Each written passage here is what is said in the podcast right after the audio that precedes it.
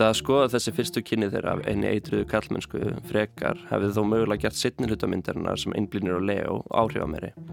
Áhrifin er þó alls ekki lítil eins og er og á síningunum sem ég sá fylgtist högg hljóðheimsmyndarinnar hljóðum raunveruleikans í gerðum næstu alla myndina þar sem að bíógestir voru flest allir snögtandi á millis þess sem að er sög upp í nefið.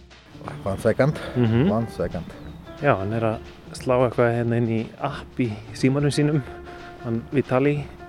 Любая погода красива по-своему. Any weather is beautiful in its own way. Já, þetta var líka hægt drekkamynd og þá, þú veist, ég veist að koma fram, þá gæti maður ekki lengur bara verið fullur. Þannig var alltaf rosalega feimin og þá var þetta svona öryggistilfinning að vera með grímu. Það var svona gifsi fyrir sjálfsmyndina. En svo okkur er hún árið nógu sterk en ég gæti tekið gifsi af. Í lestinni í dag myndlistamæður með hauspoka, vorverkin og kvikmyndaríni. Ég heiti Lóa Björk Björnstóttir. Og ég heiti Kristján Guðjónsson.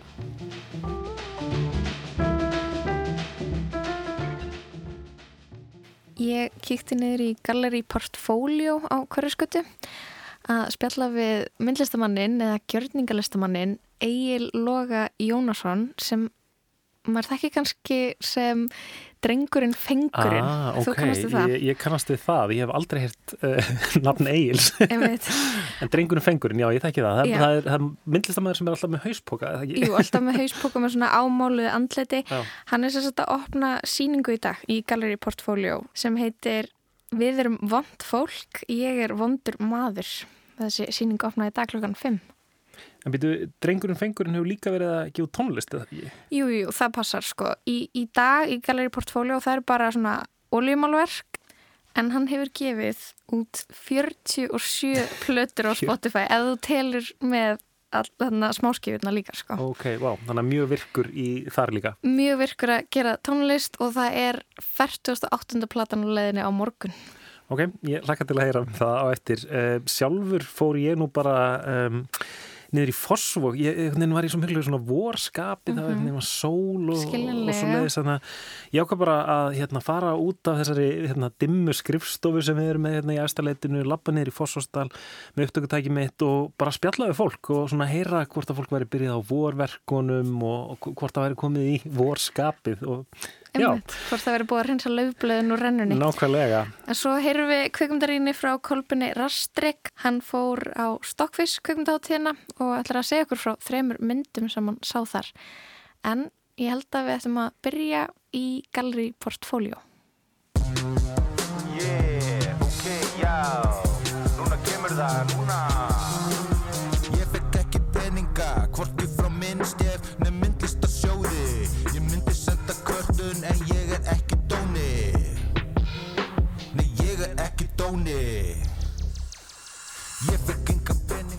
Herru, vá, kaffi, ætlaðu þú ekki að fá þér? Ég var að tekka á. Ok, ok. Það var fullt á hann. Herru, hvað segir þú? Er allt tilbúið fyrir opnuna á eftir? Já, nema yndislega fólki í Porkalýra ætlar að þrýfa. Ég bauðst til þess, spurgur til hvort þetta er yksuð. Þessi bara, nei, ekkert ágjörðu því. Og þau ætla að þrýfa fyrir mig. Og það er geðið, ég er svo degraður, yndislegt. Ok, það eru, það eru bara málverk hérna í dag. Þú ætlar ekki að vera með eitthvað gjörning eða?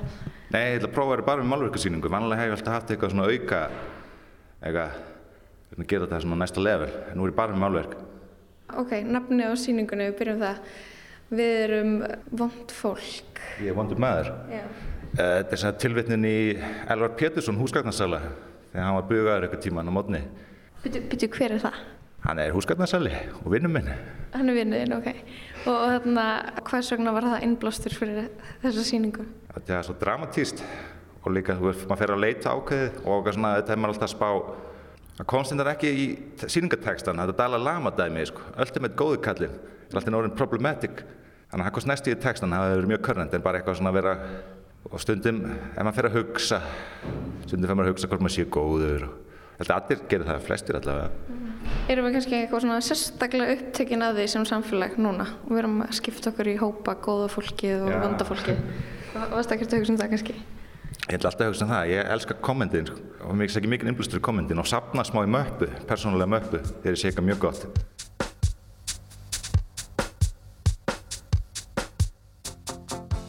Þessi síning er bara undir þínu nafni. En er þetta ekki drengurinn hérna, til dæmis drengurinn fengurinn á þessari mynd? Júps, og þarna og hérna. Er, er þetta renna saman í eitt, drengurinn og, og þú? Já, meira en það var. Ég var alltaf miklu harðar að vera drengurinn, þangað til að það fór að móta mig daldið, eða þú veist, þetta byrjaði sem til að frelsi að vera með grímu og vera eitthvað annar en maður er, en svo einhvern veginn fór ég að spá, myndi drengurinn gera þetta, myndi hann mála þessa mynd? Og þá hætti þetta að vera skemmtilegt. Þú ert búin að vera drengurinn svolítið lengi. Getur þú sagt mér frá drengnum, drengurinn fengurinn? Hver er hann? Uh, ég held ég byrja að nota listaháskólinn 2015-16 en gríman sem ég nota alltaf hún, hún kom sko en ég, ég held ég aldrei sagt söguna ópenbarlega svona umbúðalaust fyrir nú, exclusive Okay. og hérna Spennandi. ég sem þurfti að gera vídeo og ég var að gefa plötu og veistu, gerði svona kynningarvídeó og ég var mjög þunglindur á þessu tíma og ég hattaði sjálf mig svo mikið að ég meikaði ekki að horfa sjálf mig þannig að Þannig að þú settir póka yfir hausina þér. já, eins og maður gerir Getur hvar ég var í gær. Ég var í kringlunni. Getur hvaða bú ég fór. Ég fór í H&M Ég kefti mér íþróttaból Og líka hlýraból Ég er, ég er búin að vera að reyna að hlusta svolítið á drengin áður en ég heiti þig en það er ómögulegt að komast yfir öll þessi lög. Hvað er þetta? Þetta er í heldina, þetta er 21 plata, 47 og tilur EP-plötu með á, hvað sé hann, 2016 eða eitthvað á, á Spotify og uh, hvað, þetta er ótrúleg framleiðsla á tónlist. Ég það, ég, það tekur svolítið tíma, ég er að gefa henni plata morgun Það, Svo- það er það sjötta platan á þessu ári, er það ekki? Já, svo kemur eitthvað önnur plata út þannig að þannast á föstu dag. Platan sem kemur morgun, hún tók þrjá daga og sem kemur föst, næsta föst, eða þannast á föstu dag, tók tvo daga. Og En ertu bara með endalust af hugmyndum af lögum og textum, er þetta bara eins og að drekka vatn fyrir þér? já, ég er mjög góður í að gera lög. Ég kefti íþróttaból Einn Ég kefti hlýrabóli Hvert sækir innblástur í, í textana þína? Stundum eins og stil ég frá vinnum mínum og svona einhverju hugmyndir. Og svo kannski hlusti ég lægið og spá hvernig það er, en oft bara eða með eitthvað rím sem ég langar að rýma, eða bara eitthvað svona útrás, eða eitthvað svona fantasíur sem maður vill kannski að lífið sé eða vill ekki að sé. Það er ekki, svo bara þjálfast maður þetta aldrei mikið í þessu. Það var mjög erfitt einu sinni en svo ótrúlegt þegar maður gerir hlutin oft að verða öðuldari. Eftir að hafa gengið um Kringluna. Ákvað ég að kaupa tvo bóli viðbót? Það kom með mitt ungt uh, plata með sama nafni á sýningin Við erum vond fólk, ég er vondum maður. Um, og svo eru myndirnar uh, eins og hérna ekki brautargengi ég sá mitt á YouTube 30 sekundna lægið uh, ekki brautargengi Er tónlistin og myndlistin einhvern veginn hangir þetta allt saman hjá þér? Já, platan hún, hún kom alveg áður en ég var búin að nota, nota nafni, eða sýningin kom bara með stötu fyrirvara. Ég man ekki hvort ég var, eitthvað, ég var alltaf byrjun að mála þessi málverk eitthvað, en ég var held ég ekki með þetta um sýningunni, ég gerði plötuna, en, en svo veist mér bara svo góður titill og býður upp á svo margt, margar tengingar. Þannig að platan var komin á áður en að þú ákvast að halda sýningu. Ég held það. Og svo finnst mér það gaman líka, ég gerði líka, þegar maður síðustu sýningu, stóru sýningu í Listasafninu Akureyri sem hétt Þitt best er ekki nóg, þá gerði ég plötu sem hétt Þitt best er ekki nóg. Og það er alltaf gaman að hafa eitthvað svona, svona kombo. Já, veit ég, ég er með tónlistar, ég er kaktus á Akureyri og ég er með eitt svona tónlistarherbyggi og eitt málunarherbyggi. Alltaf gana flakka milli og það er svona meira kannski instant gratification að gera lög. Já, ég held það, maður þarf að fara í minni, eða það er svona auðvöldira og ég er svo gaman að græjum og gaman að snúa tökum og svona. En er það ekki líka skilur viðbröðin sem þú ferð? Er, þarna, það klappar enginn kannski fyrir málverki.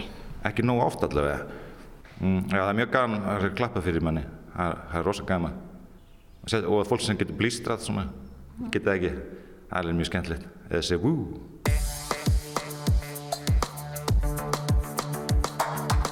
Hvað veistu með þarna gjörning um páskana sem drengurinn? Já, og með mér var Lalli, elsku Lalli minn, vinnu minn. og þetta var svona, ég las smá texta, halgjörð hljóð og svo spilum við smá improv, músík Og þá kom páskalag, páskabarnið. Já, það kom bara á páskadag sko. það var eitthvað svona bara eitthvað ég ákvað bara um, ég ætlaði bara að vera heima á, á, á, um páskadag verið líka upp í rúmi og búið að súka hana páskag en svo hugsaði ég, ég verið að gera páskalag eins og, og Guðni Marja þannig að ég gerði páskalag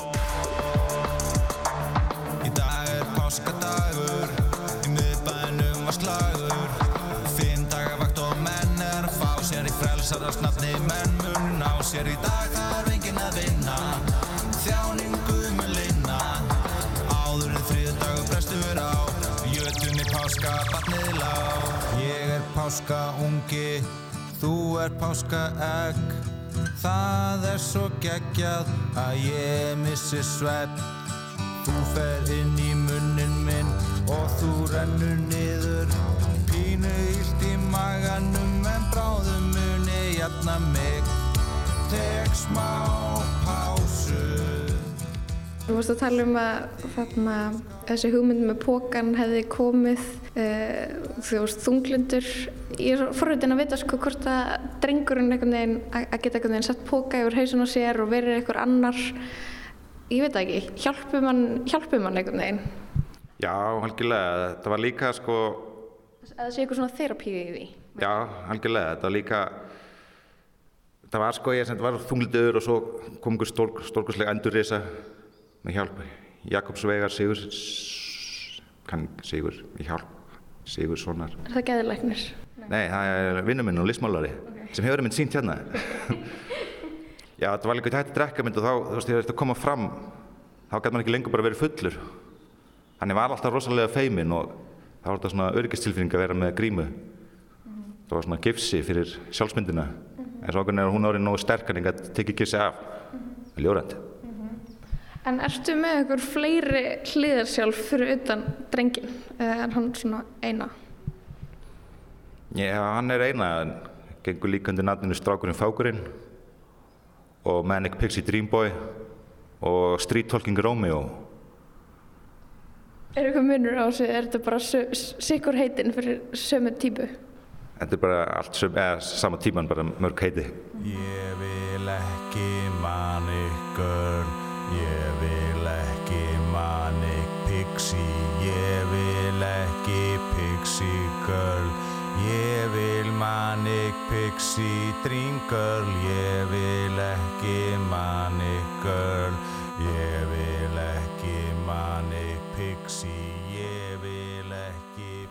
Hver er svona munurinn á þér og drengnum?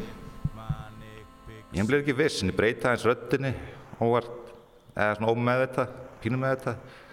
Svo svona er þetta skilgarna og svo sem það sem var að skemma fyrir mér þegar ég fór að skilgarna nú mikið, eitthvað svona hvernig hann væri. Fyrst ég var að gefa tónlist, þá var ég mjög, þá var eftir þunglutinu alveg sama. Ég fann að rítskoða mig meira með árunum, ég var miklu meira edgy, sko.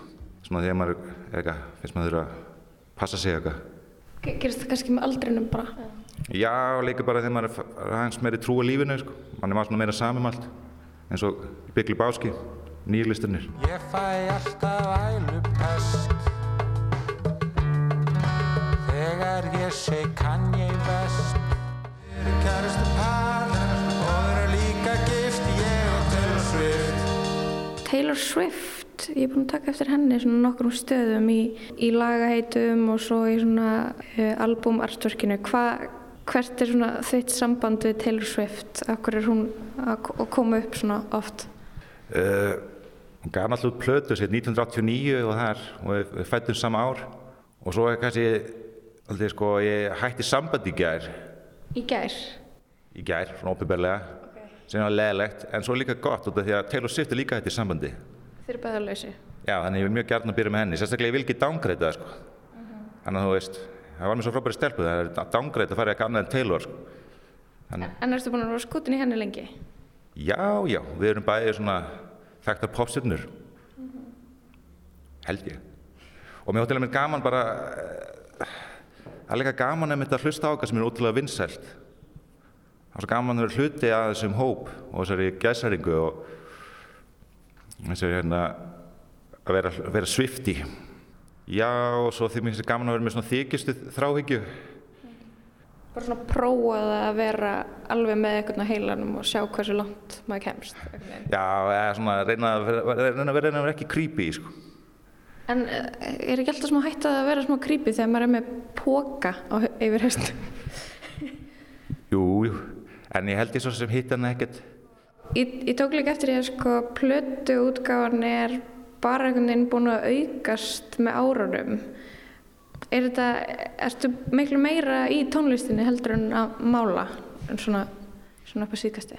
Já, já, nei, ég held ég sé bara orðin svo góður, sko. Ég var, hraðin kom til út frá að ég var með svona, ég, notaði rosa mikið svona kassetu, ferra rosa kassetu upptökutæki.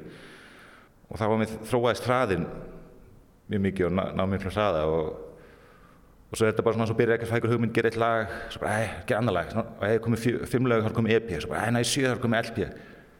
Jú, það er oft svona erfiðar að koma sér í ganga mála. Að sitja maður í stóli tölvu og eða svona núna sitja ég í tölvu, nú eftir í tölvu frá kastinni, en Er það einhvern veginn einfaldara eða? já, ég vil nú ekki móka neitt, en, en svona, já, svo er ég alltaf eftir að býja eftir að ég gerir masterpieceið, sko. Ég var að spá að gera svona ástasorgarplötu sem heitir Disintegration 2 eins og kjúrplatan það sem átti að vera ára mitt masterpiece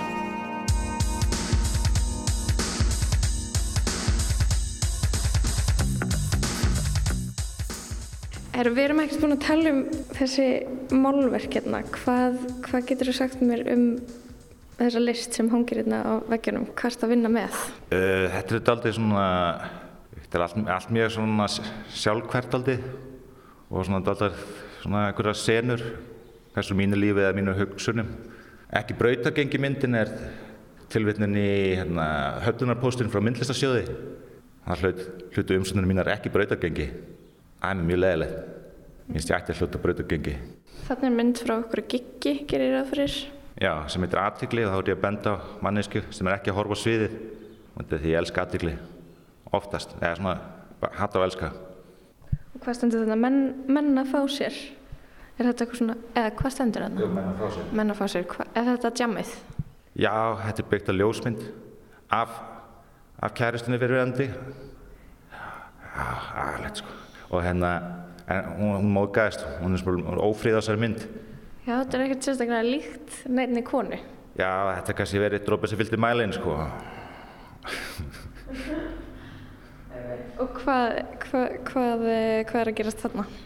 Uh, það er einhvers konar refur að reykja við banna reykjaskildi sem er sem að, og ég byrjaði að reykja aftur eftir, ég, ég, ég hætti fyrir í fimm ár og fór ekki til útlandi í fimm ár og svo fór til útlanda í residensi og byrjaði að reykja þá aftur og, og ætlaði bara að reykja í útlandum svo kom til Reykjavíkur. Og ætlaði bara að reykja Reykjavík, ekki Akureyri. Og svo kom til Akureyrar og það endist nokkur daga. Og ég fór að reykja þar líka. Og það var sem þetta var, sýsti mín sendi mér hérna mynda sér að reykja við banna reykjaskildi og sama, sama degi sendi ég henni mótsvara sem ég var að reykja banna reykjaskildi og myndin hendir Anarchy. Er útlanda síkarettan ekki líka betri? Jú, það er miklu ódýrari líka. Það og það var reyndislega fyrstu síkaretunar og alltaf geða eitthvað sko. þá gæti ég bara reykt ykkur þrjára dag og var bara í sjokki sko. en svo er það bara strax komið hátt í 20 aðalegt sko. þetta eru oljumálverk og já, öll olju en nema grunnurinn það er akryl Já, ok. Og hvað, verður þetta bara svona hefbundin opnun hérna klukkan 5? Bara gestir og þú náttúrulega drekkur ekki, verður, eitthvað vín? Er það ekki svona líka aðalatrið að gefa fólki vín á opnun? Jú, það verður vín og ég vona að koma gestir, það verður mjög gaman. Og það verður vín sem skalir í sérum. Ég þarf ekki að koma neitt nála þessu, sko. Þetta er svo geggjað. Uh, Mér langar að spyrja, ég er búin að vera að stara svolítið á þessa hettamind. Hennar er hestur að berja knapa. Hvaðan kom þessi hugmynd? Ég gerði einhverja hestamyndir sem seldust og það var einhverja, ég held ekki að gera fleiri hestamyndir. Og þá gerði ég, fór einhver mótþróa og gerði hest að berja knapa sem delega hann er í léttiskala léttir er hestamannafélagi Akureyri og myndin heitir Léttir. Og þetta er náttúrulega eitthvað veganismi og svona, en það sem ég er náttúrulega, náttúrulega vegan, búinn að vera 5-4 ár. Okay. og, og svo er pappi mikill hestamæður hann har eitthvað svona uppreist pappa Hvenær segiru, hvað er það, á morgun sem að næsta plata kemur eða? Nei, já. já, klukka 7 fyrirmálið Ok. Spennandi. Það er það 48. platan. Yes, er fullt af plötur sem ég ekki geði út, alls konar, Dótt sem er ekki á Spotify. já, okkur plötur sem ég hætt við og eitthvað svona, að þetta er ömulegt. Uh.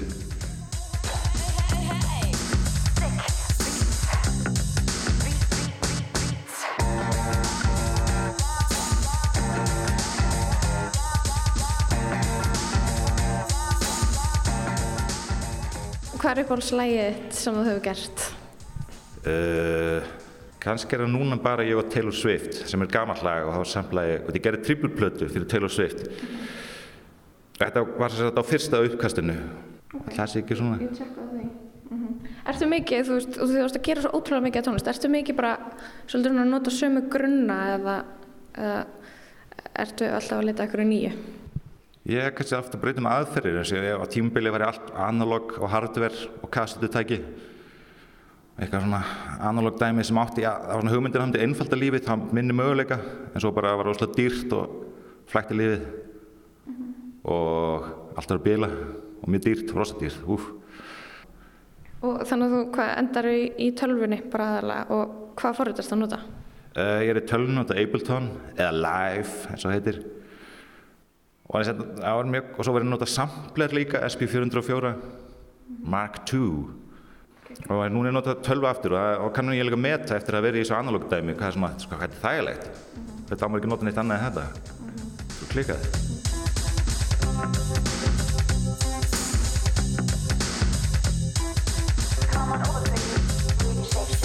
Takk fyrir spjallið Egil og uh, til hafa með þessa síningu. Það lítið mjög vel út. Takk fyrir. Já, það er eitthvað í loftinu, það er flú og lykt. Ég á góða vinkonu, hún heitir Taylor Swift. Og við erum kærustu par, og við erum líka gift.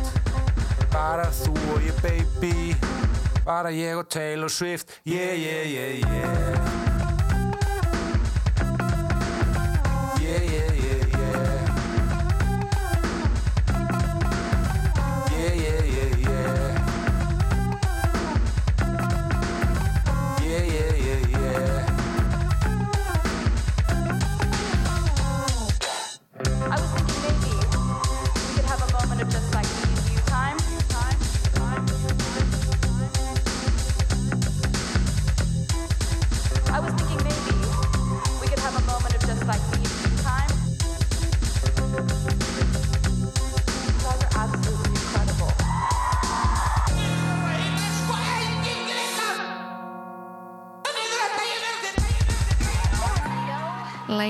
Bara ég og Taylor Swift með drengurinn fengurinn eða drengunum fengnum. Hann hliðar sjálfi myndlistamannsins Egils Loga Jónassonar sem að opnaði síningunum sína í dag.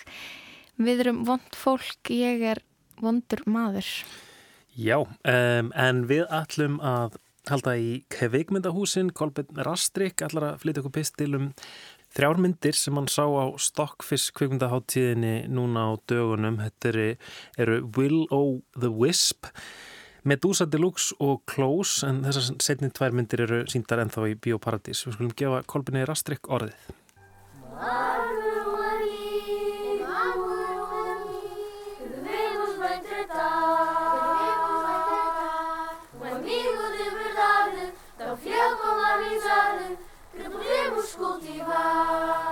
Í byrjunu apríl flyttist kvikmyndaáhuga fólk í Bíóparadís til þess að taka þátt í henni árlegu Stokkfisk kvikmyndaháttíð. Kvikmyndaháttíðir eins og Stokkfisk og Riff eru tækifæri fyrir okkur sem búum á þessu litla skeri til þess að fá nasasjóna því hversu rík og fjölbreytt kvikmyndagerð er handan Hollywood maskinunar. Sumt af því sem kvikmyndaðinnar heimsins hefur upp á að bjóða er frábært en annað er skrítið og enn annað er hinnlega bara drefleðilegt. Þó er mikilvægt að geta nálgast kvikmyndir sem eru öðruvísi því það gefur af sér enn ríkari menningaframleyslu í framtíðinni. Ég man eftir að hafa farið á þessar kvikmyndaháttir þegar ég var yngri og þá var ég ávalt búin að þölplana dagskrána mína í kringum dagskrá háttíðarinnar svo ég geti komist á sem flestar myndir. Þar satt ég svo í margar klukkustundir á dag og horfði á sögur um fjölskyldu erjur í Rúmenju, kvikmyndasafnar í Afganistan og jamkvöld í Berlín sem ferur böndunum. Sattur og sætla af poppi og kóki kynntist ég nýjum menningarheimum og nýjum aðferðum til þess að segja sögur menningarheima. Það er mikilvægt að viðhalda þessu aðgengi að alþjóðlega kvikmyndagerð en á hinbóin er ekkert víst að fólk nýti sér það. Eins og áður sæði getur sumt bara verið drefleðinlegt og því er erfiðar að ákveða að sjá bíómynd sem maður hefur ekkert hirt um. Sem betur fyrir fyrir ykkur kæru hlustundur var Pop og Coke kúrin minn endurvakinn núni í apríl þegar ég skellti mér á þó nokkrar af þeim myndum sem voru í bóði á Stokkfiss í ár. Sumar þeirra eru síndar áfram í Bíóparadís og því ætla ég í dag að fjallum þrjára af þeim myndum hátíðarinnar sem mér fann standa upp úr. Fyrsta myndin er Will of the Wisp í leikstjórn hins portugalska Sjá Pedro Rodríguez. Hún fjallar um æfi skáldaðs krúnprins Portugal Alfredos sem á sínum yngri árum vildi vera slakkurismæður. Alfredo var mjög tengdur náttúrunni og þegar fréttir berast af skæðum skóaraldum í landinu byður hann fúraldra sína um að fá að gera slökkuleismæður. Á slökkustöðinni kynist Alfredo ungum slökkuleismanni Afonso og takast með þeim ástir. Formgerð Will of the Wisp er mjög tilrunakend og er myndin aðeins klukkustund og sjö mínútur en innan þessa tímarama er dansatriði, fjórði vekkurinn brotin, pólitísk akrinni, ákall eftir beinum aðkjörum í umhverjusmálum, auk ótæljandi tilvísina í fjallausin og kynlíf. Myndin hefst á því Alfredo og fadir hans ganga um skógin sem er eign krúnunar og fadirinn sem segir honum frá mikilvægi trjána en hver lýsing á því hvernig þau gagnast umhverfinu og gefa af sér er hlaðin kynferðsleiri merkingu. Að sama skapi er lífið í slökkuleiðinu sett fram á hátt sem svipar mjög til tekninga Toms og Finnland þar sem að samkynniðar langarnir ráða ríkjum innan kallaðira atvinnugreina. Myndin er einnig hlaðin pólitískum og menningarlegum skýrskotunum sem erfið getur verið að fylgja ef áhörundur er ekki vel að sér í sögu stjórnafars og nýlendu herra Portugals. Þegar Alfredo og Afonso elskast út í skógi reyta þeir til dæmis hvor í annan uppnefnum tengdum sögulegu valdójafvegi þeirra sem nýlendu herra og nýlendu viðfangs þar sem að krónprinsinn Alfredo er hvítur og Afonso svartur. Þessar kynferðslu langanir og politist samingi þeirrar innanmyndarinnar verður því háð einhvers konar fröytískri tókstreitu undir meðutundarinnar. Þrátt fyrir að sömur af tilvísunum og þefum myndarinnar getur virst óaðgengilegar en myndin í heilsinni afskaplega fyndin og skemmtileg. Megin áherslan er ástarsamband Alfredos og Afonsos og þó textin sé stundum torskilin er ástin og samband ungumannan að tvækja auðskilinlegt og fallegt. Þessari ástur miðlaðu óhefbundin hátt og til dæmis er það dansatri í andasöngleikja sem markar á hverjum vendipunkti þeirra sambandi. Will of the Wisp er því einhver ný fersk tegundakveikmyndagerð sem er ánefa þess virði að sjá sama hversu miklu spekingar um sögu Portugals áhörundur er. Þemalag myndarinnar er mjög grípandi og það er alltaf ákveðin soir.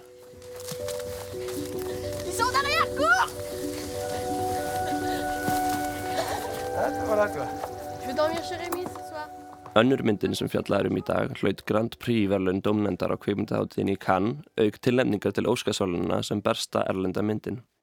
Þetta er belgiska kveimundin Close. Leikstjórin er Lukas Dont og myndin fjallar um vináttu tveggja drenga sem er að byrja í gagfræðaskóla. Þeir Remi sem Gustaf de Valle leikur og Leo sem leikin er af Eden Dambrín eru mjög nánir og áhörundur sjá þá leika sér og gista saman í sumarfrínu fyrir skólasetninguna. Þegar þeir byrja í gagfræðaskólanum finna þeir þó fljótt fyrir neikvæðum afleiðingum af nándinni á millið þeirra. Eitruð kallmennska samfélags fullorðina ógnar sambandi Leos og Remis. Leo reynir að fjarlæga sig frá vini sinum í vonum að forðast neikvæð viðbröð skólafélaga sinna en Remi á erfitt með að sætta sig við að missa nándina við Leo. Lukas Dont sýnir hvernig eitruð karlmennska og homofóbía hafa áhrif á sálarlíf og hægðun ungra drengja sem sumir breyta hægðun sinni til þess að verða ekki fyrir aðkasti jafnaldra sinna. Efnið sem er tekið fyrir er mjög þungt en í stað þess að velta sér upp úr því ákveður Dont að leifa krafti breyts hverstagsleika að undirstryka þá sálarangist sem aðalkaraktersögunar er að gangi gegnum. Þrátt fyrir að vera aðeins 15 ára nær Eidin Dambrín sérstaklega vel að koma innra sálarlífi karaktersins síns til skila og áhörundur skilja án orða hvað býra baki þögninni.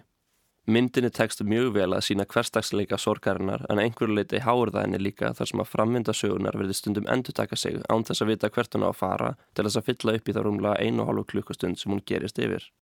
Að mínumati hefði myndinni mátt eigða lengri tíma í að skoða hvernig hugmyndum um kallmennskuna er þröngvað upp á Remi og Leo sem passi ekki inn í þá takmarkuðu og ómögulegu hugmynd.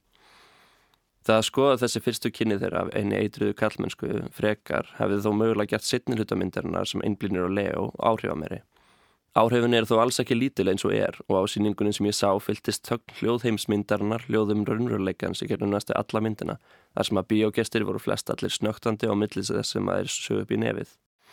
Þó Close drægist aðeins á langin í setnu hlutanum er um bæði fallegt og átakanlegt innlegg í samtíma menningarumræðum hugmyndunum nánd og kallmennskuna. Þriðja og síðasta myndin í dag er morðgáttan Medusa Deluxe en hún er frumraun breska leikstur hans Thomas Hardiman. Sögusvið hennar og vettvangur glæpsins er húsnæði þar sem að verði er að undirbúa árlega hárgræslukeppni. Myndin hefst á því að áhörundur fá að vita að einn af hárgræslumisturunum hefur verið myrtur og bæði mótilin og hárgræslumistararnir sem er í byggingunni þar sem keppnin er haldinn þurfa að býða inni því lauruglan vill nú tala af þeim öllum.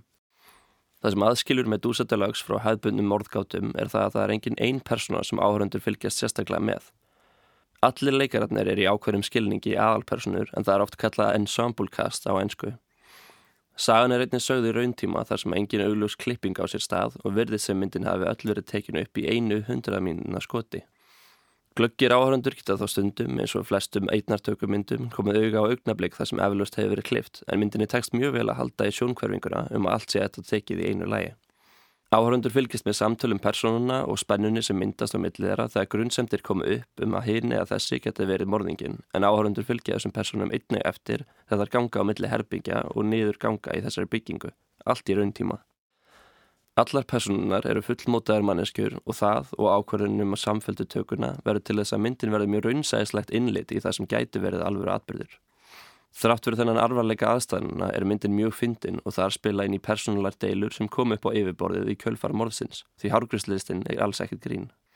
Það því synd að samfélgatakan haldi einni aftur á skemmtuninni því það hægist oft mjög á frammyndinni þegar áhörundur þurfa að fylgjast með personunum gangum langa ganga byggingarinnar sem satt best að segja er bara allt á stór. Á meðan klipping gerir leiksturum kleift að sníða taktmynda eftir þeirra hafði, gerir samfélgatakan það verkum að takturinn fyrir eftir hversu hrættir leikararnir geta gengið. Það að fjörið haldist ekki gegn er sérstaklega svekkjandi þegar áhörundur sjá loka atriði sem er í gangi á meðan kreditlistin rúlar. Það verður það augljóst að skemmtun og stuðu var markmið hægtum hans en þetta er ánefa eitt besta loka atriði síðustu ára. Ef þið, kæru hlustendur, ætlið einhver tíman á næstunni niður í bæjatralla þá mæli ég eindreiði með því að sjá með dúsatalags og loka atriði til þess að koma ykkur í gýrin. Hver segir að Evrópst listabíó get ekki verið stuð? Þarna heyrðu við í kolbinni Rastrik, kvikmynda gaggrinanda lestrannar. Hann fór á Stokkviss og sað okkur frá þremur myndum sem hann sáð þar. Um, næst, Kristján, þá, uh, þá fyrir við með þér í göngutúr. Þú ákvæmst að fara út úr húsi í dag. Já, ég veit ekki, stundum er maður bara einhvern veginn komið nóg af menningunni og vill bara fá að tala við fólk um bara vorið. Mm -hmm. uh, og það var það sem ég ákvaða ákvað að gera. Um, fór nýri í Fossu og, og, og rætti við alls konar fólk uh, sem að var ímynd komið í vorskap eða ekki. Vorið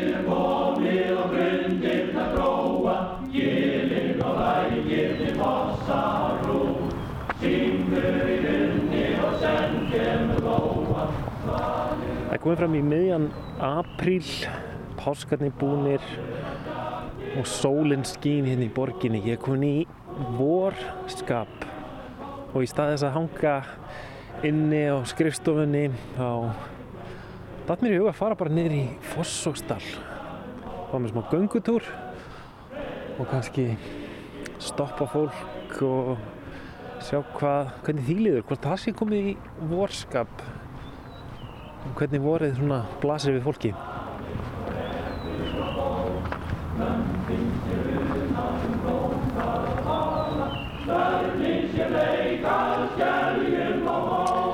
Þarna gengur uh, maður hvað ætla hann sé svona kringum færtugt, færtugsaldri kannski með barnavagn sköllóttur kannski ég reyna að stoppa hann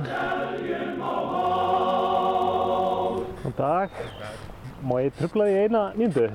I don't understand. Okay, so I'm, I'm from the Icelandic radio Uh-huh. and I'm uh, just speaking to people about the spring and how are they feeling. Can I ask you a couple of questions? Uh, my, okay, but Yeah. I don't speak very well. Oh, that's, that's that's okay. Uh, what's your name? Vitaly. Vitali. Uh, and you're walking with your baby? Yes, yes. How, how, how old is he or she? Uh, 16 months. and you come here often in uh, Fossvarsdalur?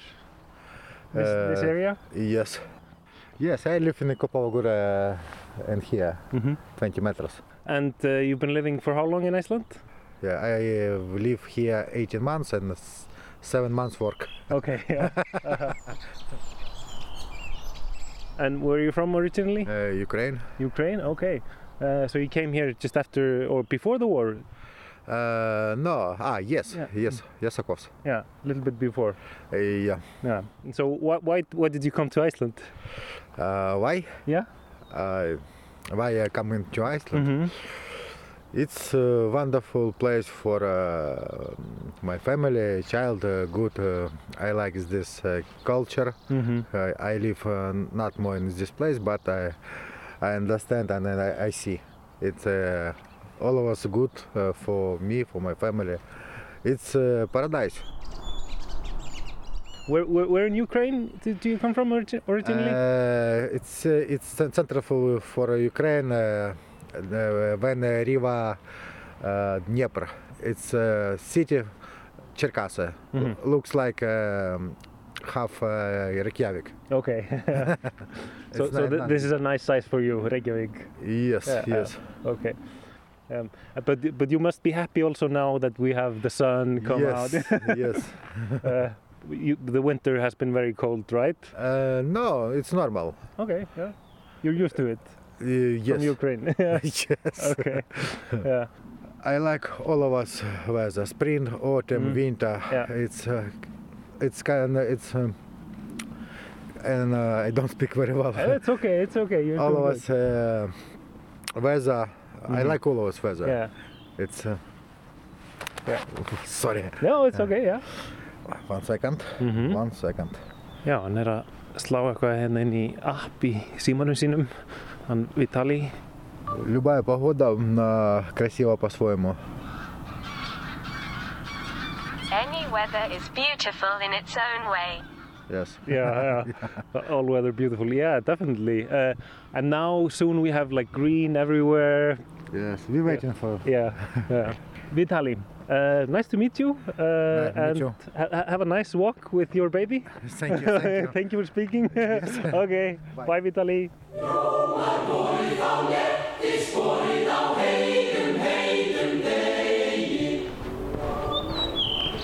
Eru hérna á, á röldinu í Fossvogsdalnum. Eh, Er þetta svona reglulegt hjá ykkur? Svona, Já, það má segja það. já, Við förum oft í göngu. já, Það er ekki gengið með vinkonum mínum líka hverju viku. hérna, hérna í dalnum. Dalnum og í 108, hverju Já, 108. einmitt. Hverju líkar það vel? Eru þið komin í vorskap? Fyrir löngu. Búin að vera að kafa í garðinu með allan morgun. Já, er það? Já, já. Einmitt. Hva, og, og hvað eru svona vorverkin í, í garðinum? Reynsa lauf Mm. Af stórum trjám í, í görðum nágrannina Já. sem að vilja fara yfir í okkar garð. Það fyrir allt í, allt í minn garð Já. og ég þarf að reynsa og hann þarf að keira í burtu. Og, og eru þið, eru þið mikið, mikið í garðinum, mikið af plöntum? Dálítið verður með stóran garð. Já. Já, svona eiginlega blómagarð. Frekar heldur en þessar nýmóðins garða með eindum en pöllum. Það er líka pöllur. Já, já.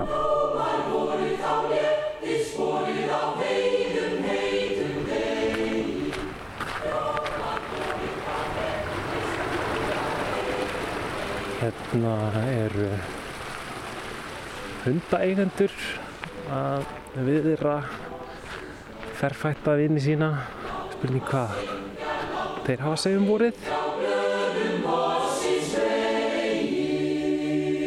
Skiptir máli fyrir hundaeigendur að, að það sé komið vor? Það skiptir alltaf máli. Það eru drullur núna aldrei í vetur. Þannig við býðum bara eftir að allt er orðið hreint og fínt. Já, þannig að vorið er eiginlega svona pirrandi tími fyrir hundaeigendur. Það er verið með loðin, stóran loðin. Það var sófinn og gólfið og allt alveg í drullunni, sko. Já. Hérna, eru þið hérna svona hundafélagar eða, eða hérna... Nei, bara við höfum aldrei hist áður Nei. Ég hef aldrei séð hann hund áður en, en hann er mjög stiltur og brúður og, og góður við minn hund Já, þeir, þeir eru ekkert svona gælt á hvern annan eins og maður sér stundum. Já, þeir verða stundum alveg brjálæðir ef að einhver er að fykta í dótinu þeirra sko. en, en, Leikfangunum. Já, Þessi, leikfangunum þessi vil að ég kasti, kasti, á ekki bara kasti þessu? Jó. Já, þá verður hinn spenntur líka. Það er keppni. En, en þetta virkar svolítið svona í hundasamfélaginu, maður bara hérna, fer á spjall, þetta er eins og hérna, leikskólafóreldrarnir, fara bara að spjalla saman einhvern veginn. Já, þetta er svona, þetta er bara instant tenging, þetta er bara svona hérna, tenging um leið sko. Já. þannig að, að hérna, að menn spyrja um tegundir og, og aldur og, og kyn og annað og, síðan byrja hundarnir vonandi að leika sér í, í, í frið og spekt. Þetta er svona spurningar sem að kannski myndi þykja svona frekar nærgönglar ef, ef þetta væru manneskjur. Svona, svona, E, já, já. já, Það er ekki. Þannig gaman, þannig gömul. Og að hvaða kyni. Það er aldur og kyn. Já. Þú hefur hvað að segja? Hann sleikti svampin. Það er... Já, það passa sko. Hún er stóðlegur. Lítur eftir hann. Takk, takk fyrir þetta.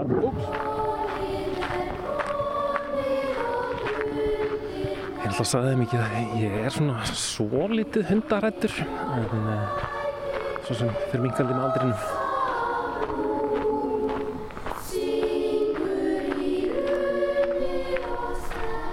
Eh, þú ert á hlaupum hérna í Fossastalunum, kemur hérna ofta að hlaupa? Nei, þetta ekki. Það er frekar bara rektina. Ok. Það er svo gott veður. Þannig að það var bara veðrið núna sem gerði það verkum og ákvæmst að fara út. Já. Einmitt. Ertu komin í vorskap? Nei, ekki alveg, en ég finna að það er alveg að fara að koma. Já. Og heldur þú sért þá að fara að hlaupa meira úti? Svona, já. Já, örgulega. Herru, ég ætla ekki að trubla þig. Hérna, hvað ert að hlusta á? Uh, bara podcast. Ó, hva, hvað podcast? Uh, bara fólk að lesa Reddit stories. Á, ok, aðeinsverð. Já. Herðu, hérna, hlöftu áfram. Hérna, ta takk fyrir spjallið.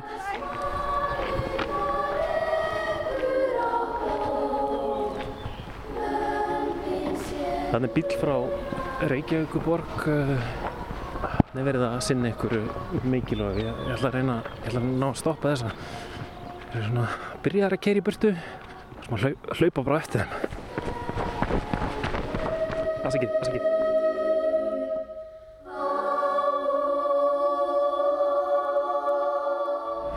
Við erum núna bara í vorklippingunum sko, sjá til þess að það sé ekki eitthvað svona greinar fyrir fólki og bara sjá hvort það sé gott aðgengi og hlutinni séu fallegir. Já. Er, er það svona helsta, helstu vorverkin hjá ykkur eða hvað? Já, svona eins og er, er allavega hana sko. Klára klippingar á, og, og hreinsa Já, einmitt gera allt fínt fyrir sumarið Já. Á þannig sumaverkefnin taka við sko. Einmitt, hver eru sumaverkefnin? Það er bara sláttur og beðarhreinsanir og útplöntun Já. og nýjum blómum og svona. Einmitt. Nú vinnið þið mikið úti ger ég ráð fyrir, er ekki frekar næs að það sé svona farið að glitta í vorið einhvern veginn? Jú, þetta er- það léttir strax yfir manni sko, að fyrir að ve- vera svona sko. Ég er komin hérna nær spítalanum, hann er maður út á tóni að spila golf. Þetta sé ykkur vor síður hjá honum. Góðan dag. Ég er að taka vor hérna stemninguna á fólki og mér, finnst þú vera svo vorlegur þarna í grassinu. Má ég spyrja þig hvað það að gera? bara reyna að komast í ganga aftur sko. Ég er búinn að vera veikur og á stað. Já, þú ert hérna með hérna golfkilu og þetta er, þetta er sand, sand, sandjárn, já, einmitt og, og hérna, hve- hvernig, hvernig er sveiflan? Við segjum ekki mikið núna sko. Ha, Við hefum vonað að það lægist. Já. Ha, Maður var alveg, við segjum bara sér, þá var maður að hérna byrja konar bakkan í, í vor. Já. Nei, við jólunni sko. Þannig að maður er svona, er að reyna að komast tilbaka. Já. Og e- ertu búsettur hérna? Já, í- ég er búsettur hér. Já, einmitt. Kemur mikið hérna í, í, Fossvagsdalinn að svona... Það hefa mig? Já. Ég hef gert mikið að við, nú er ég að fara í ganga aftur sko. Já. Ha, Þetta tekur tíma. Já, já, einmitt. Ég, ég, trúi því, en, en þú ert að verða betri? Já, já, þetta er alltaf mjög að ég held. Já. Það gefa mér alltaf við hana góða vonir, starfsfólk á spítalanum. Einmitt, ok. Eh, Má má ég spyrja hvað hva hefur verið að ángraða þig? Hjarta bílun kallaði það. Þeir gátt ekki fundið neitt að því, það var bara þá var hjarta bílun. Vorum búin að skoða allt sem þið gáttu skoðað. Já. Og, og það hefur staðið í vegi fyrir golfinu eða hvað? Það er bara reyfingu. Já. Ég áttaði mig bara ekki á því fyrir ég var bara gæti ekki, gæti ekki lappa nema kannski 70-100 metra, þá stóð ég á höndinni sko. Já, já, já. Einmitt. En, en hefur þú verið lengi í golfinu eða hvað? Ég hef búin að vera og til í mörg ári, já. Ha. Þannig að þess vegna gerir maður sér vonir. Einmitt. Ég heiti Guðrún Hrönn Jónsdóttir. Og Evelyn Ólafsdóttir.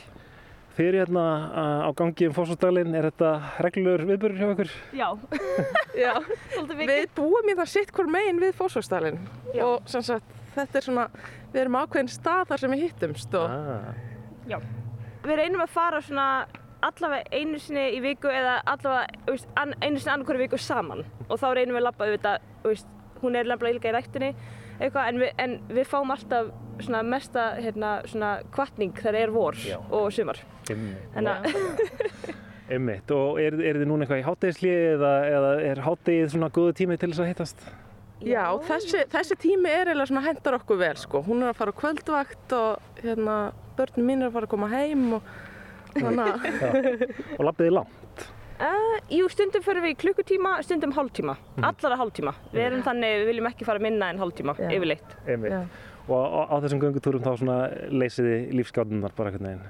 Já, Já, það er náttúrulega bara nöðsilegt að eiga góða vinkonu sem gengur með þér í gegnum lífið og Uh, já, já, þannig að En já, uh, nú er komið sól einhvern veginn og vor einhvern veginn í lofti, er, er þið konar í vor, vorskap? Já, ég myndi segja það. Ég er nefnilega er vorbann, páskabann, þannig að þetta er alveg bara minn tími. Nei. Já, já, vorið er alveg bara uppháls árstíð mín, ég finnst það bara indislegt. Allavega síðan ég hætti í háskóla, þá svona fær maður að njóta vorsins sem maður gerði ekki Já. þegar maður var bundin yfir bókunum inni. Ég, ég var bara að gleyma þessu, einhvern veginn prófa tíminn, maður einhvern veginn situr inni og einhvern veginn glugga, einhvern veginn hitar upp Já, og eitthvað svona. maður einhvern veginn bara missir af svolítið vorinu þegar já. Maður er bara svona bundin yfir einhver öðru. Einmitt. En, en finnið þið, einhvern veginn svona, það er náttúrulega oft talað um, þú veist, skamdegis, þunglindi og eitthvað svona, finn, finnið þið einhvern veginn svona bara er bara léttast allt einhvern veginn? léttara. Já. Ég finn bara, maður bara léttast um 10 kíló, sko. Já, einmitt. Og örgulega, ég finn líka, ef maður er einhvern veginn kvöldvöktum og einhvern veginn svona, Já, já, einmitt, maður vaknar, veist, auðvildar að vakna og, mm. og fugglasöngun sem byrjaði fyrir cirka mánu síðan, maður var bara eitthvað, all right, bara gerum þetta. Na, já. Einmitt, saman hjá þér? Já, algjörlega, sko skamdegisþunglindi er kannski ekki alveg að herja allra rosalega mikið á mig, en samt að fólk í kringum mig Aha. og líka einhvern veginn bara, það er einhvern veginn bara allt öðruvís að fara út og það er gott veður og svona. Já, ég er í svona miklu vorskapi að ég Já. er eiginlega bara að koma, koma út að tala við fólk um vorið, Já, sko. Fuglasöngin. Já, má, má ég spyrja ykkur einn að tvekja spurninga? Já, já. Þetta er nú bara... Það er að því að hlusta á konsert hérna. Ég veit það, ég er búinn að vera að reyna sko að ná þessu á upptöku Já, sko. já, já. Hérna, kom- komið þið reglulega hérna röltið saman? Já, við komum hérna í dalinn bara nánast á hverjum degi. Já, já, já. Og við erum heima hérna rétt fyrir róðin. Þið eru eh, félagar vinnir? Já. Já. Já, já. Búin að vera það bara frá því vorum strákar. Já, já, já. Og, og, og eru þið hérna úr fórsóninum upprunlega eða hvað? Nei, ekki upprunalega, en nei. Nei, nei. Nei. Það er búin að vera lengi eða hvað? Nei, ekki hérna, sko. Ég bý bara á eldri borgarablokk hérna. Já, já, einmitt. Já, Já, já. já. Og hérna, þið finnir fyrir vorinu eða ekki? Heldur betur maður. Alveg dásamlegt. Já. Það er sem að bara sé konu á konsert hérna að hlusta á fugluna að syngja. Einmitt, hver, hver, hverju breytir þetta? Farið þið, oftar út að rölda eða hvað? Nei. Nei? Við bara... Þið farið í öllum veðrum bara? Öllum veðrum, Já. alveg saman hvernig veður er. Já. Klæðum okkur bara. Já, við tólkum það svolítið sko að það sé ekki spurning hvernig veður er heldur hvernig þetta er klættur. Já, einmitt. En, en er, er skemmtilegra að- að labba svona á vorin þegar það er komin sól og, og, og svona gott viður? Já, já, já, það er náttúrulega skemmtilega. Fylgja með gróðurinnum og fuglunum, En, en vorverkin, eh, nú er konur kannski svona blokk þar sem, að, þar sem er ekki jafn mikil þörf á því að sinni þeim eða hvað? Já, sko, við eigum báðir sittkvöld sumabústæðin og þar fáum við útrás í þessu öllu saman. það er alltaf nóg að gera það, sko, í sveitinni. Hvað eru svona helstu vorverkin? Í sveitinni? Já. Já, núna voru var ég að raka laufið, það er mikið af því. Já, klippa, klippa trén og svona, já, já. Það eru vorverkin. Vorverkin, Svo það fyrir er. að bera á. Já, einmitt. Já, já. Maður hættur í kartablónu. Já. já, já.